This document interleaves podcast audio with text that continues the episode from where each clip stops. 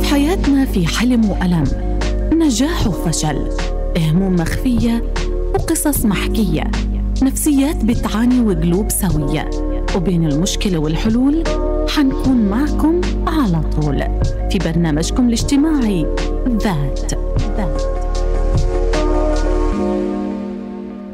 يسعد مساكم مستمعي ومتابعي راديو الشباب على 98 و2 أف أم وأهلا وسهلا فيكم بحلقة جديدة من برنامج ذات. وأكيد يسعد مسا كل الناس الغالية يلي بتتابعنا عبر البث المباشر على صفحتنا على الفيسبوك وللناس يلي بتستمع لنا عبر الموقع الإلكتروني شباب راديو dot ps. عنوان جديد في حلقتنا لليوم من برنامج ذات. هالعنوان آه، بصراحة حلقة واحدة ما بتقدر تغطيه بكل جوانبه لأنه عبارة عن بحر كامل وربما نحتاج إلى أكثر من حلقة ولكن حنحاول يعني قدر المستطاع في حلقتنا لليوم نستثمر كل ثانية للحديث عن تفاصيل هذا العنوان العميق جدا.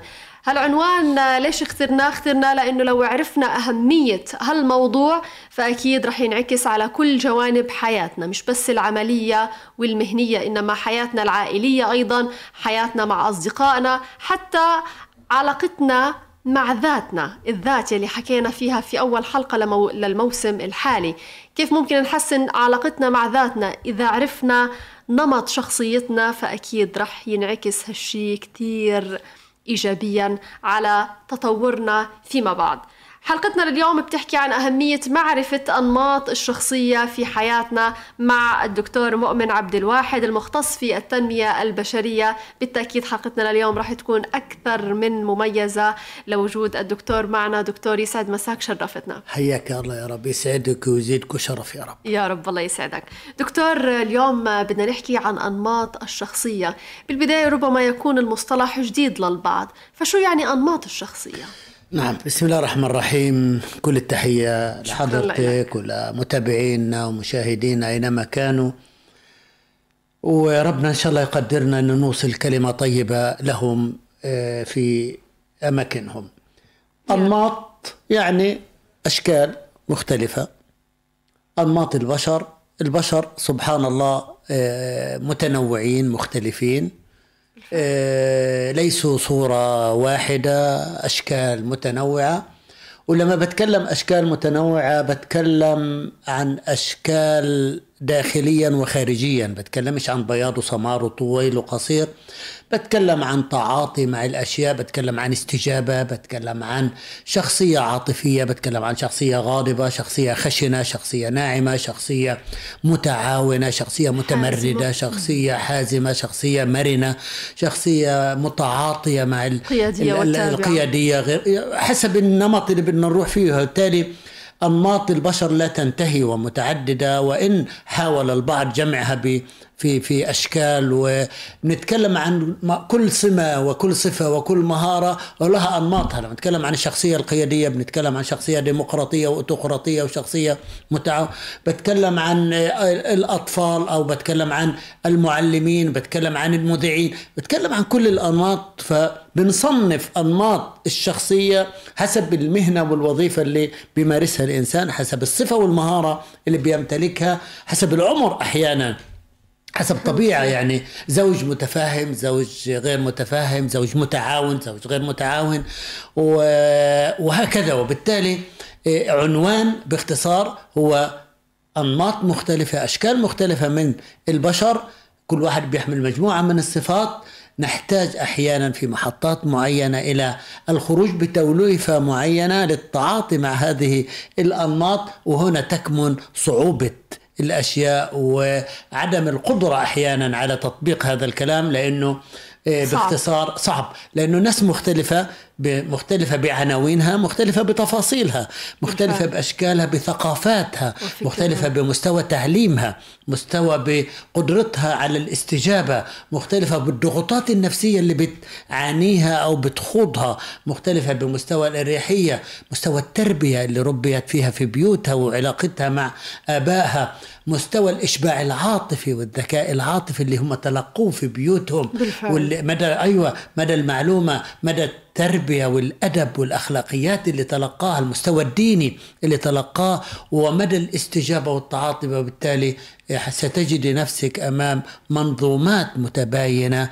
صحيح آه، بشكل كبير صعب جدا التعاطي معها. ومن هنا جاء صعوبة التعاطي مع أنماط البشر المختلفة. بالفعل. يعني إن شاء الله ربنا هيك يقدرنا اليوم إنه إحنا نحاول نوصل الرسالة ل- للناس اللي بيسمعونا لحتى يقدروا آه، يعني يصلوا ل يعني أسلوب أو نمط معين في حياتهم إنهم يقدروا يفهموا اللي حواليهم نعم. يعني أنا دائما بقول إيه، معظم الخلافات اللي بتكون حوالينا هي بسبب إنه أنا مش فاهمة فلان وفلان مش فاهمني صحيح فلما صحيح. نفهم بعض ربما نصل لحل وسط إنه نقدر يعني نهدي الوضع شوية. اليوم أنا كيف ممكن أعرف نمط شخصيتي أو شخصية الناس اللي حواليا؟ هو شوفي المحطة الأولى إنه أنا بدي أتعرف على نمط شخصيتي أنا. صح. آه قبل لازم ما أتعرف. حالي قبل ما آه أعرف اللي أنا حواليا. أيوه بروح أدرس البيئة الخارجية. وأنا مش عارف بيئتي حالي. الداخلية مش مع مش واضحة أو مش آه، معروفة الي فبالتالي يبدأ صح. الإنسان بالتعرف على ذاته التعرف على مهاراته على قدراته على معطياته على مشاعره الداخلية.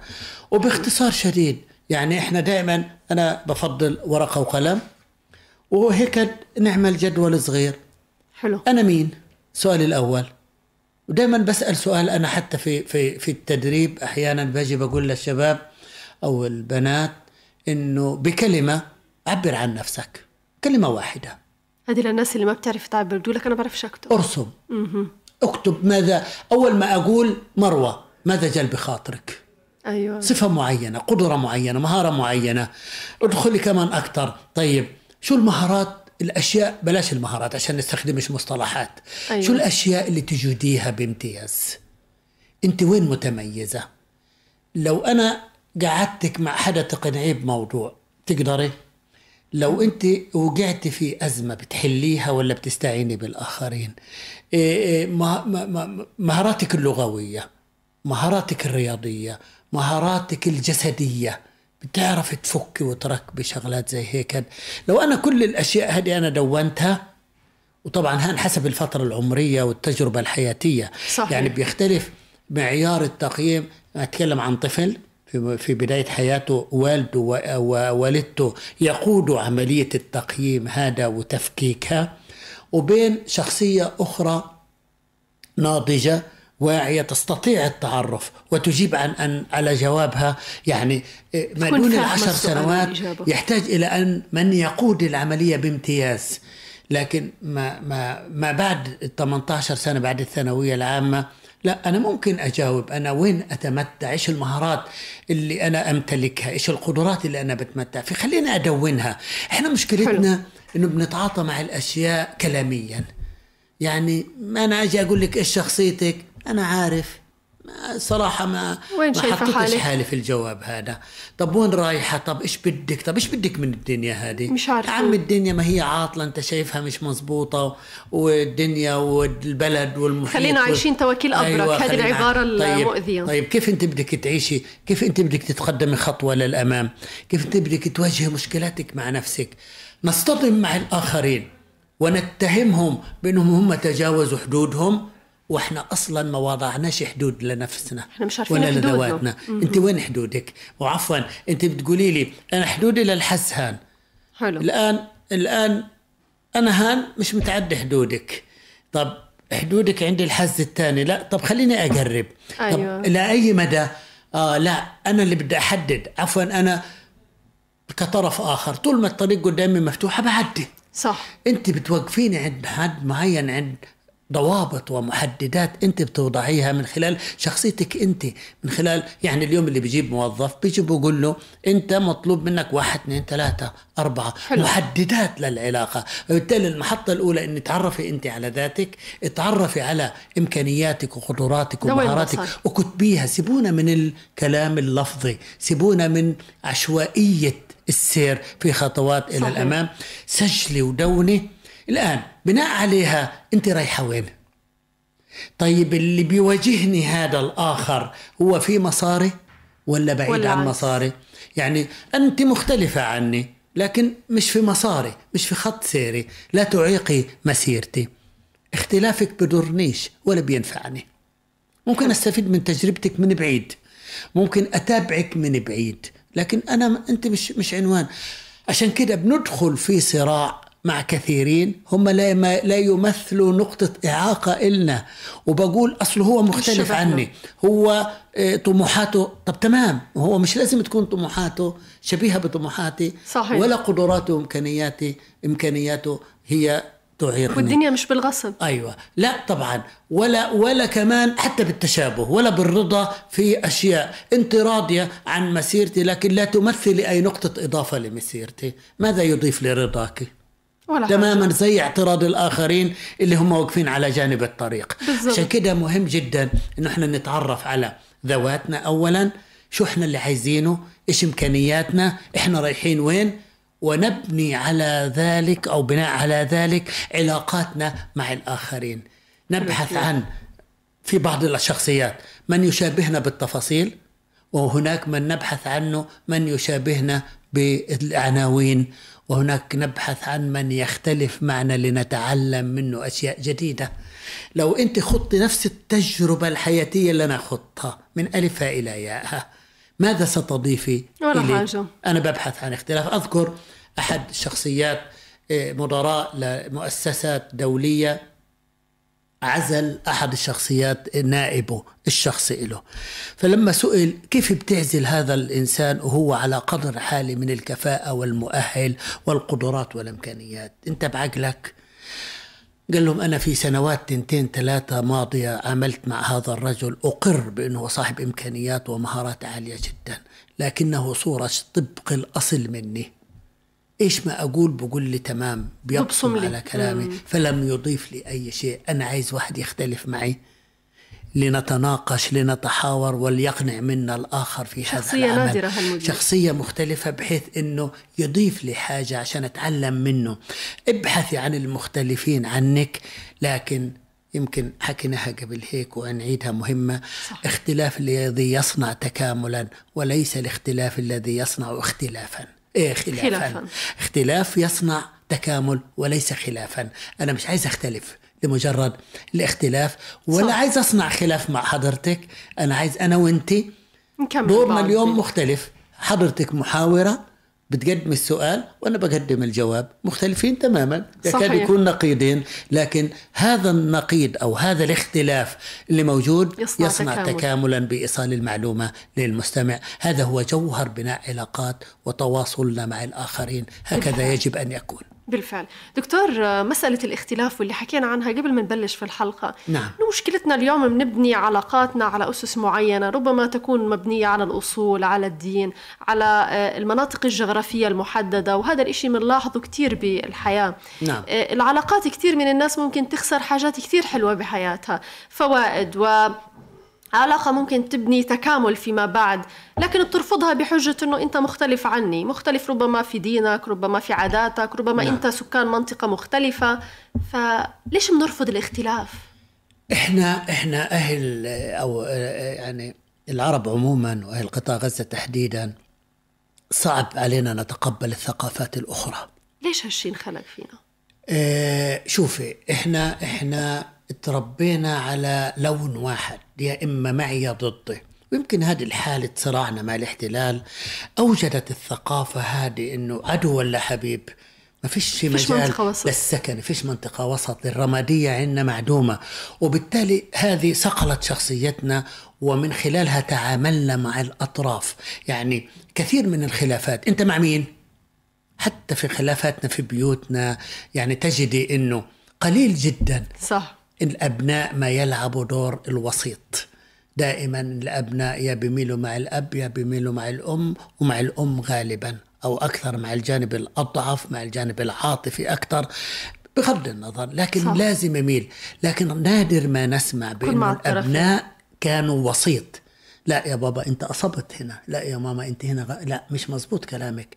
أو هنا دورك لا فعلا. تخيلي. لو قمنا بدور الوسيط لتجنبنا هذا الصراع وتجنبنا هذا ولا أصبح الاختلاف شوفوا يا جماعة دائما دائما اللي بينظر من خارج الدائرة بيشوف أوضح صح بالفعل. جوا الدائرة معتم. ب- ب- ب- أيوه. عشان كده حتى في الهرم الإداري كل ما علي المستوى الإداري بيشوف أكثر. زادة الرؤية. بيشوف زاوية الرؤية أوسع. وكل ما نزل لتحت بتضيق زاوية الرؤية. رؤيته على قده بتكون. وبالتالي أيوه لكن من يرى أفضل من الطرفين من هو خارج الهرم بالفعل. بيرى عشان كده بنستعين بالخبراء الخارجيين أحيانا في تفاصيل حياتنا كحل. الآن إذا دخل الحل ال- الوسيط الخارجي ولبس ثوب أحد الطرفين بطل وسيط. صار اختلال. صار بطل وسيط. صار هو منحاز لحدا. منحاز لحدا. والانحياز هنا يعني دمار. عدم مصداقية وعدم موضوعية. وبالتالي مطلوب منا بداية أن نقر وهذا واقع. الكون بني على الاختلاف بالفعل. ذكر وانثى في البداية طويل وقصير وأبيض وأسمر عينين و- و- و- وحدوتة إيه إيه، تقدمت الدنيا وأصبحت المؤهلات. والتخصصات واللغات عديدة آلاف. يعني يعني ليش نضع نفسنا في مقارنة؟ الاختلاف ما وجد للمقارنات. يعني أنا ليش أقول مين أفضل اللغة الإنجليزية واللغة الفرنسية؟ ما وأنا لغة مالي. هاي وأنا لغة. مالي. أفضل مني إذا أنا بدي أدرس باللغة الإنجليزية فاللغة الإنجليزية أفضل إلي. وإذا أنا بدي أدرس لغة في فرنسا مثلا على سبيل المثال الفرنسية. الفرنسية هي اللغة الأجدر بالتعلم وبالتالي السؤال وفق المصلحة وفق الهدف المرسوم وليس لمجرد المقارنة العشوائية وأنا قاعد كده وبشرب شاي ومين أحسن فلان أحسن ولا علان أفضل صح. مين الشيخ الفلاني ولا العالم الفلاني ولا الدكتور العلاني في إيش؟ دائما دائما السؤال لازم يكون في واضح في نقاط. المقارنة. الآن إذا أنا أقريت بالاختلاف موجود يبقى أنا بدي احترمه على الأقل حتى لو هذا الاختلاف اختلف معي. ما توافق معي شوفي من من عظمة الله سبحانه وتعالى سبحانه. إنه قال ولقد كرمنا بني بني, بني آدم. آدم ما قالش المسلمين ولا. المسيحيين ولا أي ديانات أخرى قال بني آدم التكريم واسع للإنسان أينما كان وإيش ما كانت ديانته الآن أتفق معه أنا لا أتفق مع المسيحي ولا مع اليهودي تحديدا لكن قد أحترم إنسانيته في محطة من المحطات بالفعل. وقد أحترم اختلافه وهذا الاحترام بخليني أقر في صحيح ما يقول. يعني أنا برفضش كل ما يقوله أي إنسان بالفعل. أخضعه إلى مبادئي لديني لقيمي إلى ثقافتنا العربية الإسلامية الفلسطينية. ومن ثم أقر هل هذا الكلام يتماشى مع كلام مع ثقافتي ومبادئنا تمام؟ حيا الله. تو صحيح. مين ما كان يكون الصحيح صحيح والخطأ خطأ. لكن أن نقيم الصح والخطأ وفق الأشخاص وفق وفق أصولهم أو وفق. مزاجات. لأنه هو يهودي فنرفض كل ما يقول صح. لا. لأنه هو مسيحي لأنه هو الزعيم الفلاني اللي عكس لوننا اللي عكس ثقافتنا اللي عكس قناعاتنا. هذا إيش ما يقول؟ يعني إيه لا. قد يبدل. الحال. قد يبدل الحال. وبالتالي المطلوب مني إن أنا أختلف بوعي وأقبل بوعي أقبل لما تقولي وفق معايير وضوابط. كلامك صحيح. في حالة صح ما. لكن كلامك خاطئ. وكل الكلام إلا كلام الله سبحانه وتعالى. لكن أنا بحكي عن كلام بالفعل. البشر وكلام التفاصيل في حياتنا.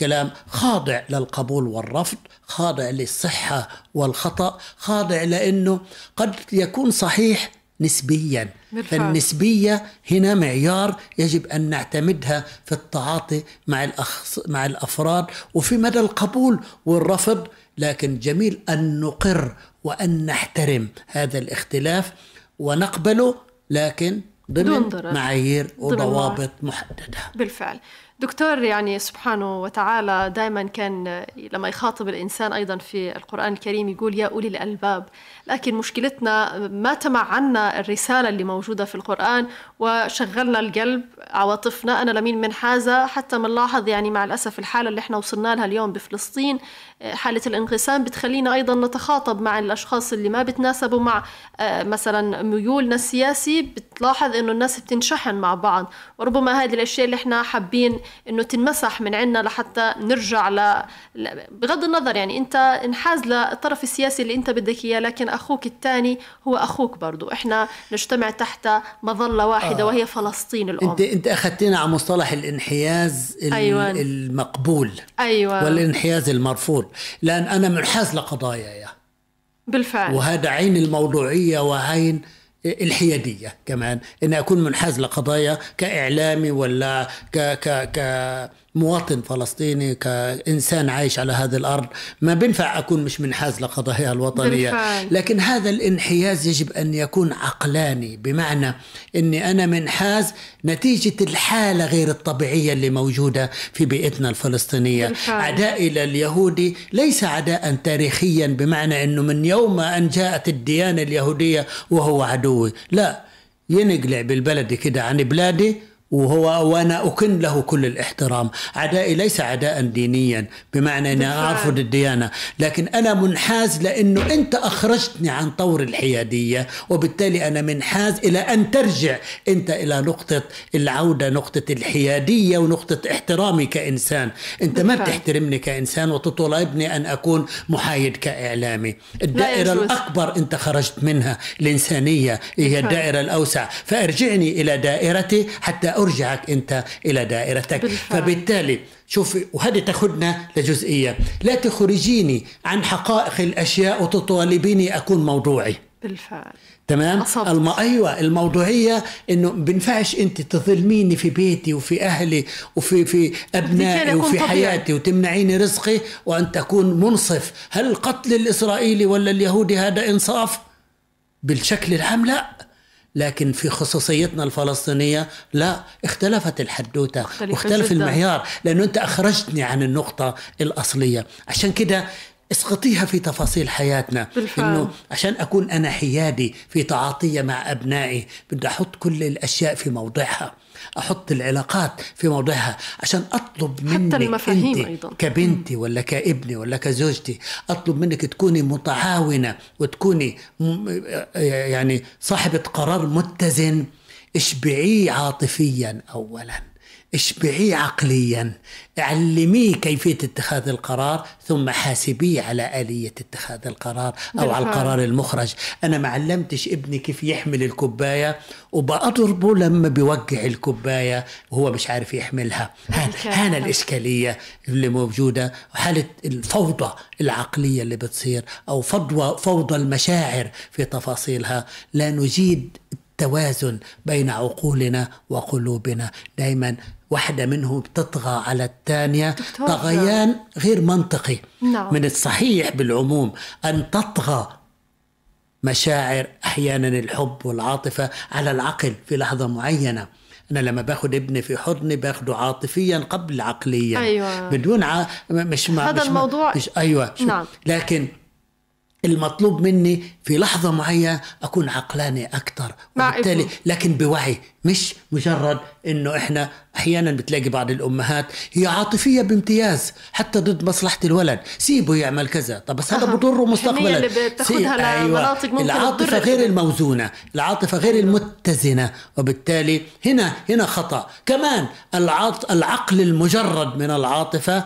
هو قسوة بشكل أو بآخر وغير اتزان. هذا اللي بدنا نحكي عنه. أيوة. مرحلة الاتزان. الآن ربما بعض الشخصيات بتوعى تكبر. بتصل يعني إحنا دائما بنقول ال- ال- النمو ممكن يتوقف عند سن 18 ل 20 سنة آه، كذلك بعض الأشخاص النمو الجسدي. الجسدي نعم. لكن في أشخاص بيشوفوا إنه برضه النمو اللي خاص بشخصيتي بيقف آه، كمان في هاي المرحلة بدنا نصحح هذا المفهوم لا. في أشخاص عاطفيين بحت في أشخاص عقلانيين بحت فربما هذا النموذجين لما بيلتقوا أو النمطين العقلاني بيشوف العاطفي مغفل أو أحمق صحيح. والعقل والعاطفي بيشوف العقلاني آه، قاسي قاسي قلبه. ح- أو ملوش قلب قلبه حجر بدون قلب فهذا صحيح. الميكس أو النمطين لما بيجتمعوا بيكون في كارثة هذا عنده خلل وهذا عنده خلل بلا شك كيف ممكن نصل لمرحلة التوازن شوفي يعني إحنا أول إشي موضوع النمو العقلي والنمو العاطفي. المشاعر النمو العاطفي يكتمل الإنسان لعدون السبع سنوات حتى يعني ال- الإشباع العاطفي أو الشخصية العاطفية تكتمل عنده الولد هذا عشان هيك الفترة من صفر لخمس سبع سنوات يعني حسب من خمسة لسبعة حلو. متعارف عليه انه الفترة هذه لازم يشبع عاطفيا الطفل بدون يعني نقاش بالدرجة الأولى. ونقلل الإشباع العقلي قدر الإمكان بالقدر اللي يتقبله بمعنى إني أنا أبدأ اعطي له واعلمه بطريقة أو بأخرى. وحتى كمان أجمل أنواع التعليم في الفترة هذه إنه يكون من خلال الدلع من خلال العاطفة. آها. آه دلعيه وأنا بلعب معه أنا بلعب أنا وياه وببسطه عاطفيا وبشبعه عاطفيا وبعلمه. وكثير امياتنا ما شاء الله. عليهم ببساطة يعني وبساطة تعليمهم أجدوها هذه في الزمانات بالفعل. يمكن أكثر من المتعلمات اليوم مع في بعض المحطات بالفعل. للأسف الشديد بالفعل الآن النمو النمو الجسدي بيكتمل تقريبا خلينا نقول على 18 ولا المرحلة يعني في أبواب العشرين لكن النمو العقلي هذا لا حدود له ولنا يعني جزئية العقل لا يشيخ الجسد هو من يشيخ بالفعل. اللي بيهرم الجسد لكن العقل لا يهرم. قديش انت بتعطيه قديش انت بتزرعي فيه بيزيد نتاجه. العقل لا يمل. صلبة. تيجي تقول له أنا هيك خلص أنا أيوه هيك هو مغلق. يعني هو شو ما. بدك تحاول تغير فيه بقول لك أنا هيك. هو بدهش ما هو التاني اطلع علي حاله في قالب. من وين من وين أدخل لك وكل أبوابك مغلقة؟ بالضبط. طب أنا شو أعمل معاكي؟ وبالتالي تقولي ليش أنا بتغيرش؟ قولي لي أنا رافضة التغيير. حلو. أنا بديش حلو. هذا الحكي. أيوه. أنا رافضة. أنا بديش أستجيب لحد رغم إنه أنت بتعاني من شخصيتك. بتعاني من الن- النمط اللي أنت بتتعاطي فيه مع البشر مسبب لك مشاكل كثيره وأنا عارفة إني أنا جلفة وأنا عارفة إني أنا عاطفية لكن خلاص أنا بقدرش أتغير. هذا المصطلح بدنا نرميه من الشباك. ممكن الإنسان آه، يغير نمطه. جدا جدا لأنه طلع علي. حديث سيدنا النبي واضح. الصلاة عشان ما. نروحش في تفاصيل دراسات أجنبية وعربية ولا دولية. حلو. خلينا نخش إنما العلم يعني حديث سيدنا النبي حديث صحيح. إنما العلم بالتعلم والحلم بالتحلم والصبر بالتصبر. بمعنى الإنسان بطبعه مش بالضرورة يولد حليم. بالفعل. وطبعا بالأصل لا يولد متعلم. فعشان كده بدا فيها حديث سيدنا النبي إنما العلم بالتعلم بدك تتعلم عشان تمتلك العلم. لا يوجد علم ما فيش حد. يعني حتى الأنبياء ربنا آتاهم العلم يعني وعلم آدم الأسماء كلها, كلها. وبالتالي علمهم وجا جاب له كل حاجة واعطاه كل التفاصيل وقال له وين يروح إعطاه الخريطة إعطاه أصول الأشياء. وتركه يجتهد في تفاصيل احتاج إلى إعمال العقل. ولما أعمل سيدنا آدم العقل أو تقبل من الخارج وخلال مشواره في الجنة أخطأ أو أكل. وبالتالي في هناك في المسيرة ومن هنا يكمن التعلم. مش سهل مشوار أول التعلم. منهجية في التعلم منهجية التجربة والخطأ. هي منهجية بنتعلم فيها بنجرب بنكتشف إنه إحنا غلطنا بنرجع نتعلم. لكن مين اللي بيستفيد من خطأه المتع... الإنسان الواعي المدرك اللي ادراكه عميق صحيح. سطح التفكير لا يتعلم من أخطائه. و... ويعني الأبله من يكرر أخطائه. نفس الخطأ بنفس الطريقة. صح. يعني من الغباء عفوا في الكلمة من الغباء أن يتوقع الإنسان نتائج مختلفة لأدائه بنفس الطريقة. أنت ماشية بالطريق. بدك تطلع من هنا. وتقولي أنا جربتها قبل شوية ويمكن تزبط هالجيت يا بنيتي ما أنت جربتيها وما زبطتش. غيري غيري. الآن أحيانا كثيرة إحنا ننتظر التغيير من الآخرين. ليش ما نتغير إحنا آه طيب؟ ليش أنتم ما بتتغيروش؟ لاحظي ثلاث أرباع المشاكل العائلية بين الأزواج. تجد يقول أنا لي 20 سنة بحكي معها مش قابلة تسمع. مش قابلة تتغير. طب مين قال لك إنه هي اللي لازم تتغير؟ مش يمكن أنت اللي عايز تتغير؟ حلو هالشيء صح ولا لا؟ مزبوط. طبعا حسب.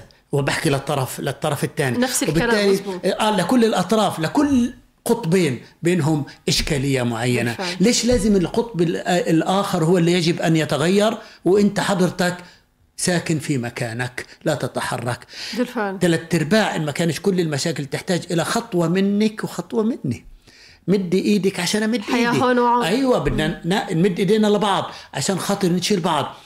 أتحملك في أشياء أنت تحتاجي إلى وقت في تغييرها وأغيرك في أشياء نقاط عندك قابلية في عندك التغيير. قابلية فيها والاستعداد.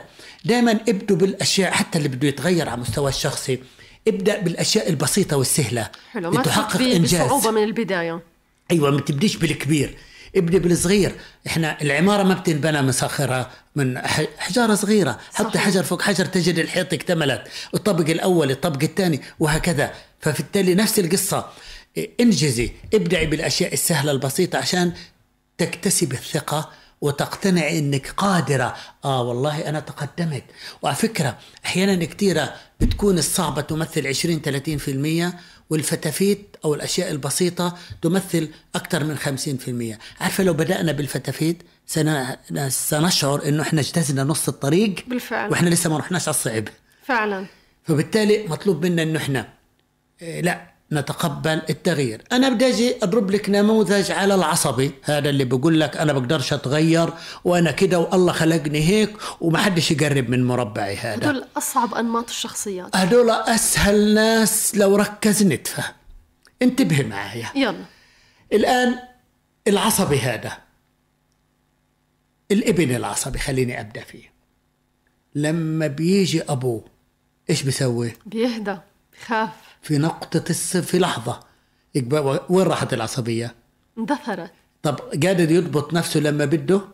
بالفعل طب وين العصبية؟ وين المشكلة؟ يعني العصبي إحنا لازم كيف نتعامل معه نخوفه مثلا عشان لا يهدى لا لا كيف لا نتعامل أنا معه بس بضرب نموذج بقول لهذا العصبي ما تقولش أنا الله خلقني كده أنت لما أها. بدك تهدى بتهدى دكتور ولما أنت بيجي ذكرتني في قصة أنا آسفة على المقاطعة تفضلي. ولكن والله ذكرتني بهاي القصة قرأتها ناسية الكتاب اللي أنا قرأته ولكن مغزى الكلمة إنه نعم. آه القصة على عجالة بدي أذكرها إنه ست راحت لشيخ آه طلبت منه أو حكيم في القرية إنه بدي سم عشان أسمم زوجي لأنه أيوة. صعب نعم. فطلب منها إنه طعمي أسد لمدة أسبوع أو عشرة أيام فإذا روضت الأسد أنا حأعطيك السم عشان آه، تقتلي زوجك فصارت تتفنن أنا إيش بدي أعمل أول يوم من بعيد آه، خافت تاني يوم صارت تجيب له لحمة آه، يوم على يوم الأسد يلفها وهدي أيوة. وحبها وصارت إنه جابت شعرة منه وطلب شعرة من آه، من شعر ال- الأسد فجابت له إياه قالها أنت بخلال فترة زمنية قصيرة قدرت تروضي الأسد وإلك سنين مع زوجك مش قادرة إنك تتحكمي فيه وتروضيه أو تغيري من سلوكه فمغزى الكلمة إنه أيوة. إحنا قادرين نعمل كنترول أي جدا. أنا مقتنع بالكلام هذا. يحتاج إلى وقت؟ يحتاج. يحتاج إلى جهد؟ يحتاج. خطوات مدروسة. آه خطوات مدروسة واعية لكن قبلها في رغبة داخلية للتغيير؟ أها. أنت عايزة تتغيري؟ أنت شايفة عيب اللي بتسمعيه؟ ما هو أنا شوفي لو أنا شفت هذا المخرج إنه أنا أنا أنا لو أنا آه، آه، اكتشفت في علاقاتنا في بيوتنا في عملنا في وظائفنا لو اكتشفت إنه أنا طريقتي هي الخشنة في التعامل مع حضرتك.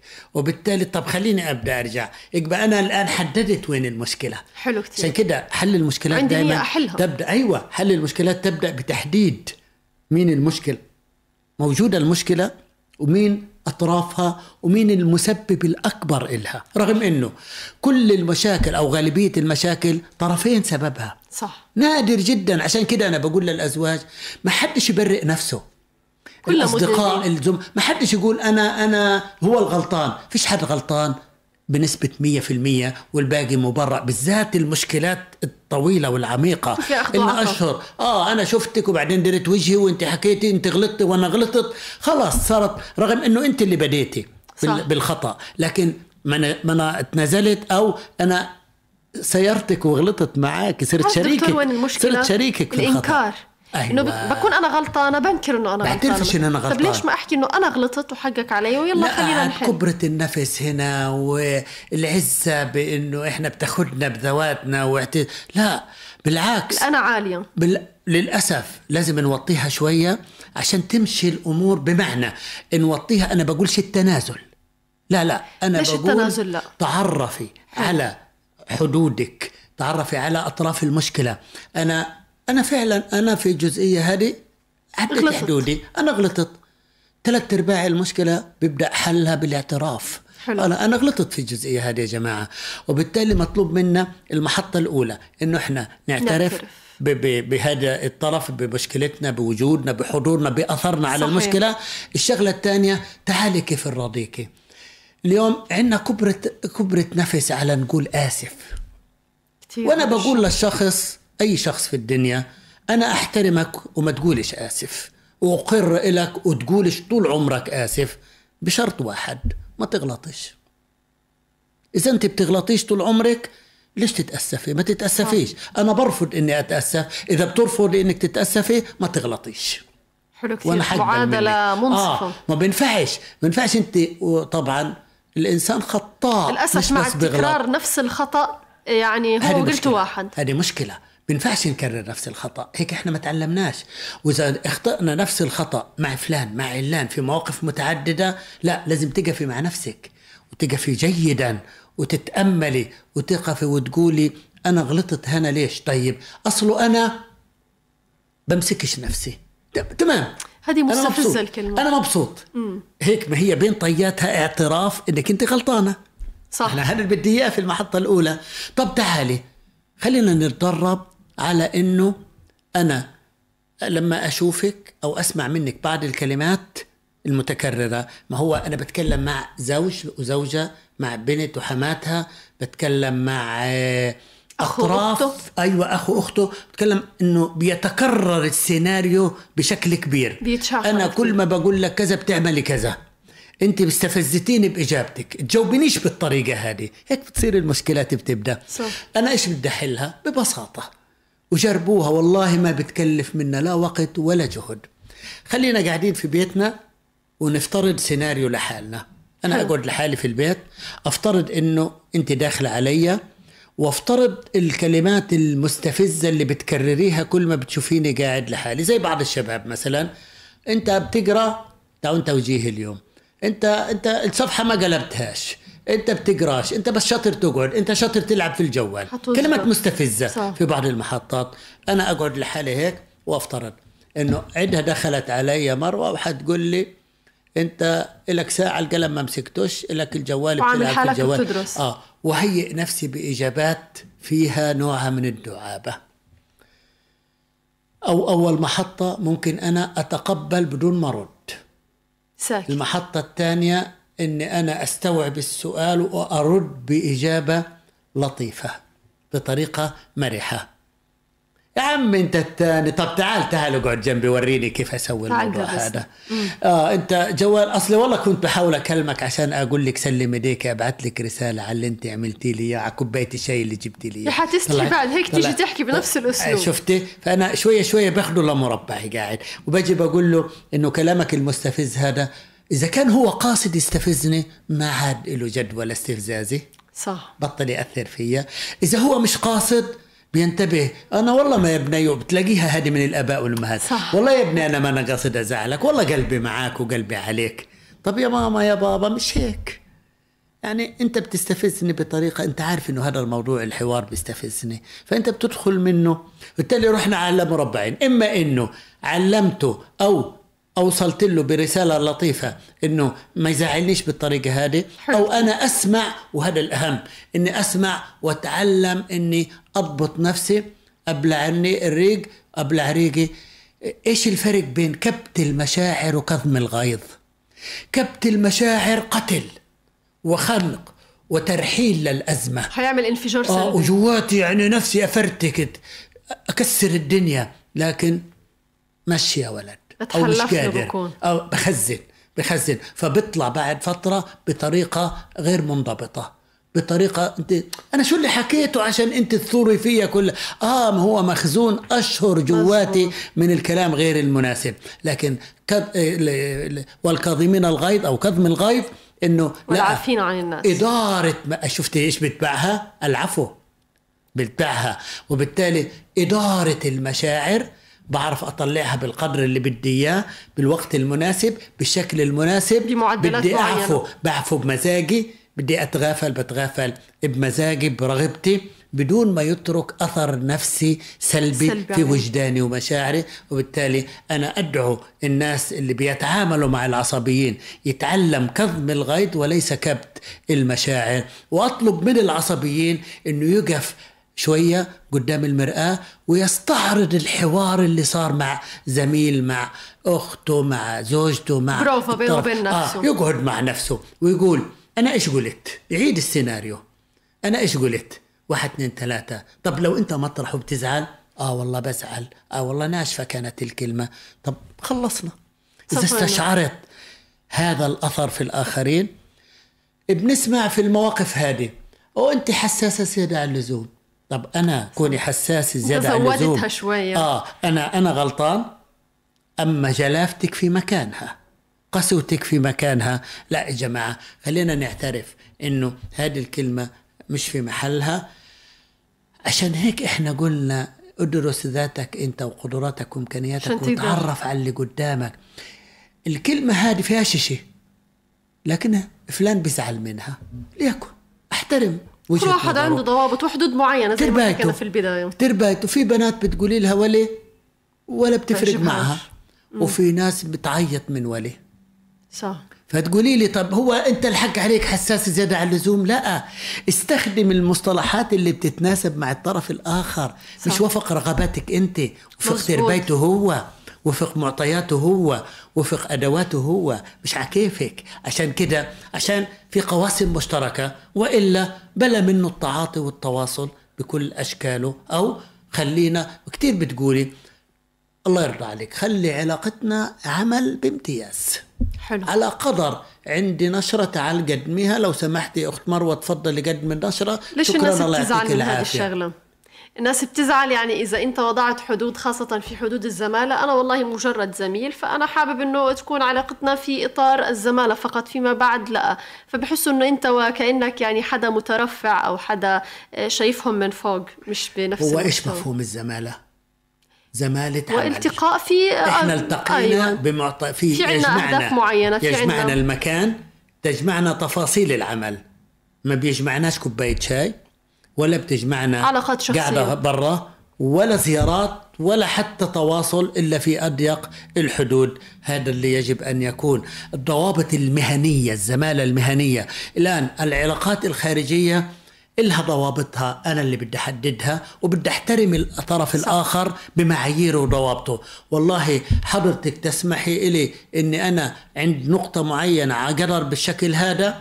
تسمحي لي أني أنا أفتح كلام وحوار جانبي بدك تتحملي تبعات هذا بالفعل. الحوار. لكن الأصل أنه حتى الجانب المهني يكون هو الطاغي على المكان هو صاحب اليد العليا. لازم نحترم أولا زمالتنا في مكانها. الآن قديش بيفتح الباب؟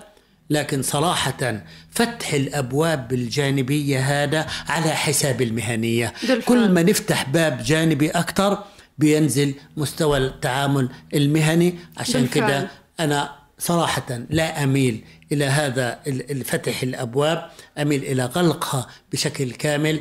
حلو كتير. ترى أنا اللي بحدد زي ما بدينا كلامنا أنا اللي بحدد أنت وين تتكلمي وكيف تتكلمي. بالفعل. لو حدود- لو سمحتك هذا بعد شخصي اقفي عند هان خلاص انتهى الكلام.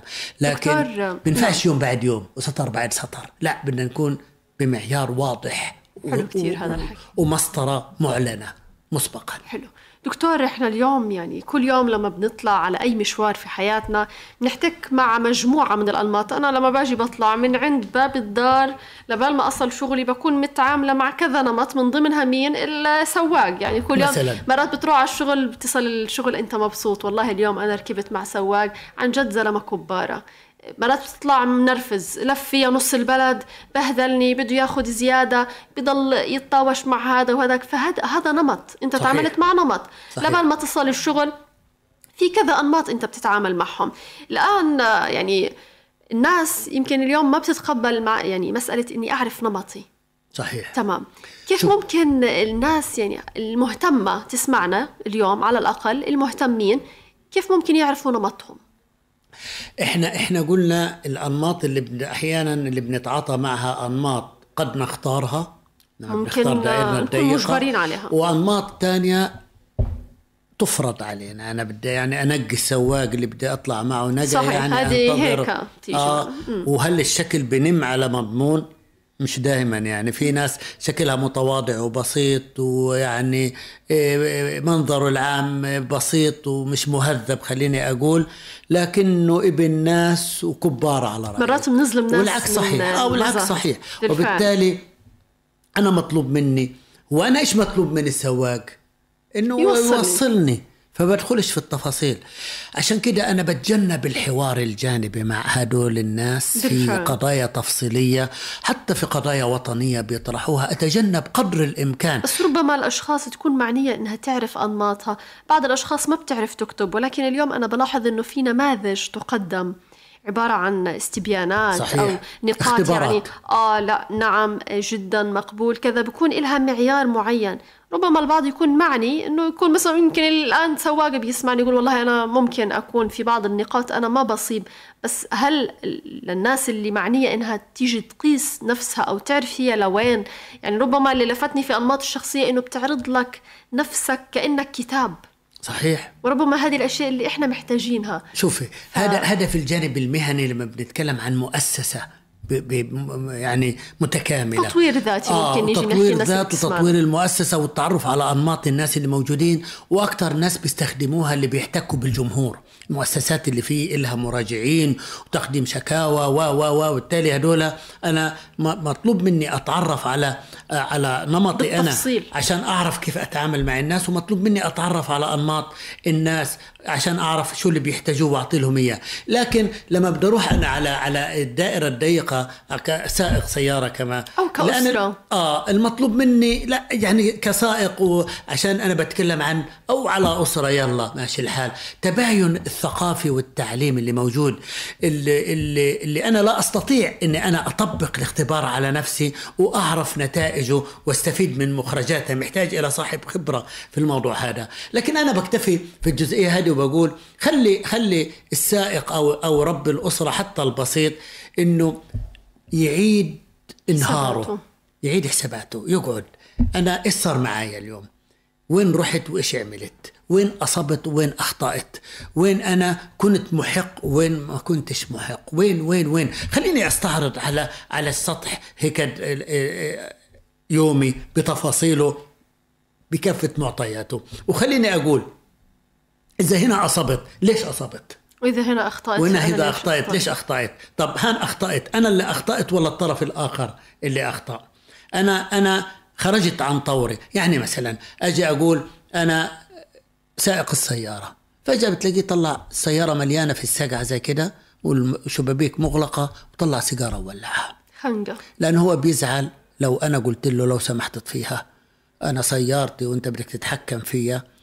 لا هي مش سيارتك ما دام أنت ناقل فيها ركاب معناته هي صارت صحيح. صارت للناس كلها. مزبوط. تمام؟ هذا شغلة. الشغلة الثانية ما عندناش إحنا إنه نحترم خصوصيات اللي حوالينا. إحنا بنتدخل بخصوصيات اللي حوالينا بشكل واضح وبشكل كبير. بنعتبر كل إشي إلنا وبنعتبر إنه خاص فينا. يعني اوضحها أكثر لو أنا لقيت ولد ولا بنت ولا حدا يعني في مقتبل العمر بيقطع وردة في منتزه عام أو في حديقة مفتوحة. وجيت قلت له إيش بتسوي؟ ليش قطعتها؟ حيقول لي وأنت إيش مالك؟ وأنت إيش دخلك؟ صح. شو دخلك؟ هذا مكان عام وأنا هذا مكان فيه. عام أنا حر فيه. شفت كيف فهمنا المكان العام؟ بالفعل. إنه هو ملكي الخاص. وهنا الإشكالية هنا التعارض والتضارب في كثير من المفاهيم والمصطلحات اللي موجود. مطلوب منا إحنا نتعرف على ذواتنا. نتعرف على ذوات الآخرين. مطلوب منا آه في نماذج. خلينا نبدأ بنا في نماذج على فكرة بسيطة نبدأ فيها في قضايا محددة. لأنه شوفي تعرف على الذات من أكثر من جانب. إحنا بنتكلم عن عن عقل عن جسد بنتكلم عن روح بنتكلم عن قلب. بالفعل. وبالتالي المكونات الأربعة هدول للإنسان كل واحدة منهم إحنا إلنا. خصائصها وإلنا قدراتنا ومهاراتنا فيها. أنا بدي أقيس قدراتي الجسدية. وإمكانياتي والعاطفية. والعقلية. بدي بدي أنا أتعرف على قلبي والمشاعر وصدقها في قضايا كثيرة طب أنا أتعرف على مين؟ أتعرف وين؟ طب النشاط اللي أنا بقوم فيه هو بيحتاج إلى أي مهارة أو إلى أي قوة من القوى؟ الأربعة هدول أو المكونات الأربعة. في حاجات كثيرة يجب أن تقال ويجب أن تفكفك في الموضوع عشان نتعرف إحنا مع مين نروح ومع مين نيجي. بالتأكيد. القصة مش قصة إني أنا أتعرف أنا شخصية عاطفية عارفة ليش؟ أو آه، آه، عقلانية أو ناعمة عصبية، أو عصب. نرجسية. لا عارفة ليش؟ مم. لأنه إحنا خليط من كل ال- ال- ال- المهارات أنا هذا اللي لاحظته إنه. إحنا مجموعة شخصيات ب آه، أيوه في قوية لحظه. معينة أنت عاطفية بامتياز مع بعض الأشخاص بالفعل. في محطة ما في عطاء أنت ناشفة أنت وأحيانا وهذا عين العقل صح. تجرد أحيانا عين العقل والخلط بين هذه الأشياء المكونات أيضا هو عقل وعين بالفعل. العقل فبالتالي أنا أروح وين أحيانا في موقف حياتي مصيري في إنسان يتدخل ويعني يعني يجتاز خصوصيتي لا لازم أكون ناشف معاه. اوقفه عند حده دكتور، وشخص آخر نعم. أكون أكثر نعومة وأكثر لطافة وأكثر عاطفية بالفعل يعني دكتور أنا يعني نفسي هالحلقة تكون أطول من هيك لكن مع الأسف آه، انتهت الحلقة ولكن سريعا وقبل ما. ننهي الحلقة يعني بحدود الثلاث دقائق في نقطة معينة أنا حابة كثير إني أحكي فيها كثير من الناس عندهم مش يعني مشكلة. آه، ربما بتعرقل أمامهم كثير من الأمور اللي هم حابين يعملوها هي مسألة ضعف الثقة بالنفس. إنه حدودهم هالقدي بس هم ثقتهم بنفسهم هالقدي.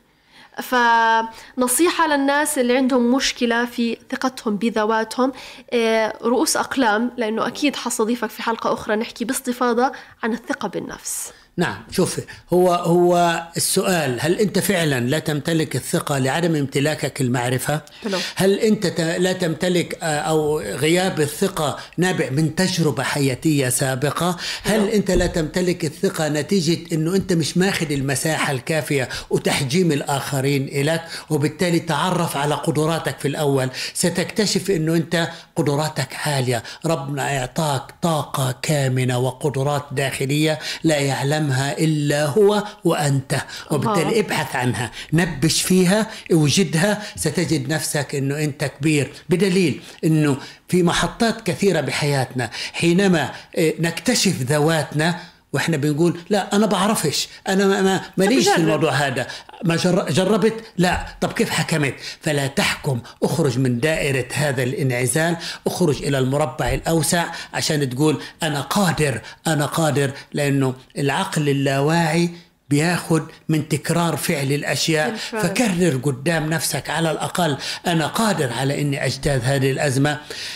عدم امتلاكك مهارة لا يعني غياب قدراتك. كلنا عاجزين في محطات أو أصحاب مهارات ضعيفة في نقاط وأقوياء في نقاط كلنا ابحث. عن نقاط القوة في ذاتك عشان تستعيد ثقتك. ابحث عن الأشياء البسيطة وابدأ فيها عشان خاطر أنت تبدأ وتحس أنك أنجزت وتمشي مشوار حياتك. ستجد أنه والله أنا طلعت بنفع والله طلعت أنا شاطر بيجي مني تنطلق صاحب الحياة. صاحب أصحاب القدرات المتميزة والداعمين للقدرات تقرب من أقرب الناس إليك أحبابك والديك هم اللي ممكن يعززوا ثقتك بنفسك ويقووها بالفعل. و- وابتعد عن المحبطين وابتعد عن المنهزمين هدول يعني ربنا يكفينا شرهم يا رب ويبعدهم يبعدهم عن. طريقنا لأنه هدول هم يعني يعني يا ريت هيك بس يسكتوا ويبعدوا عن طريقنا مش رب. محتاجين منهم لا منيح ولا عاطل بس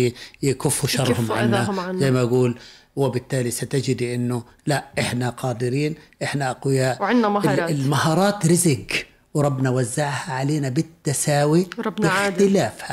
بعدل الله سبحانه وتعالى أنت عندك مهارة أنا ما عنديش وأنا عندي مهارة حضرتك ما عندكيش. بالفعل. وبالتالي ابحثوا عن من يكملكم ويعززكم لا من يقصيكم ويبعدكم. بالفعل. شكرا لك كثير الدكتور مؤمن عبد الواحد المختص في التنمية البشرية. حلقة مميزة جدا وكانت مليئة بالنقاط المهمة. لو كل واحد فينا ركز في كل دقيقة واستثمر ال- الجواهر بصراحة أنا بعتبر أنه هذه عبارة عن جواهر تقدم لكل شخص بيسمعنا أنه يراجع نفسه.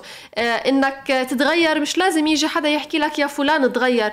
رب العالمين كريم ودائما ببعث لنا إشارات لحتى نفهم. ربما تكون الإشارة أنه أنت سمعت جزء من هذه الحلقة لحتى تتغير من آه، آه، من الأشياء اللي أو تتغير آه، بالأشياء اللي أنت بتكرهها بذاتك تغيرها. مش لازم آه، أعتبر إنه أنا والله شخصية مثالية وأنا أنا توب. لا مش كلنا توب. كلنا في عنا نقاط قوة وكلنا في عنا مميزات وكلنا في عنا عيوب. بالنهاية كل واحد فينا في عنده نقص في جانب معين. وإحنا انخلقنا في هذا الكون لنكمل بعض و صحيح.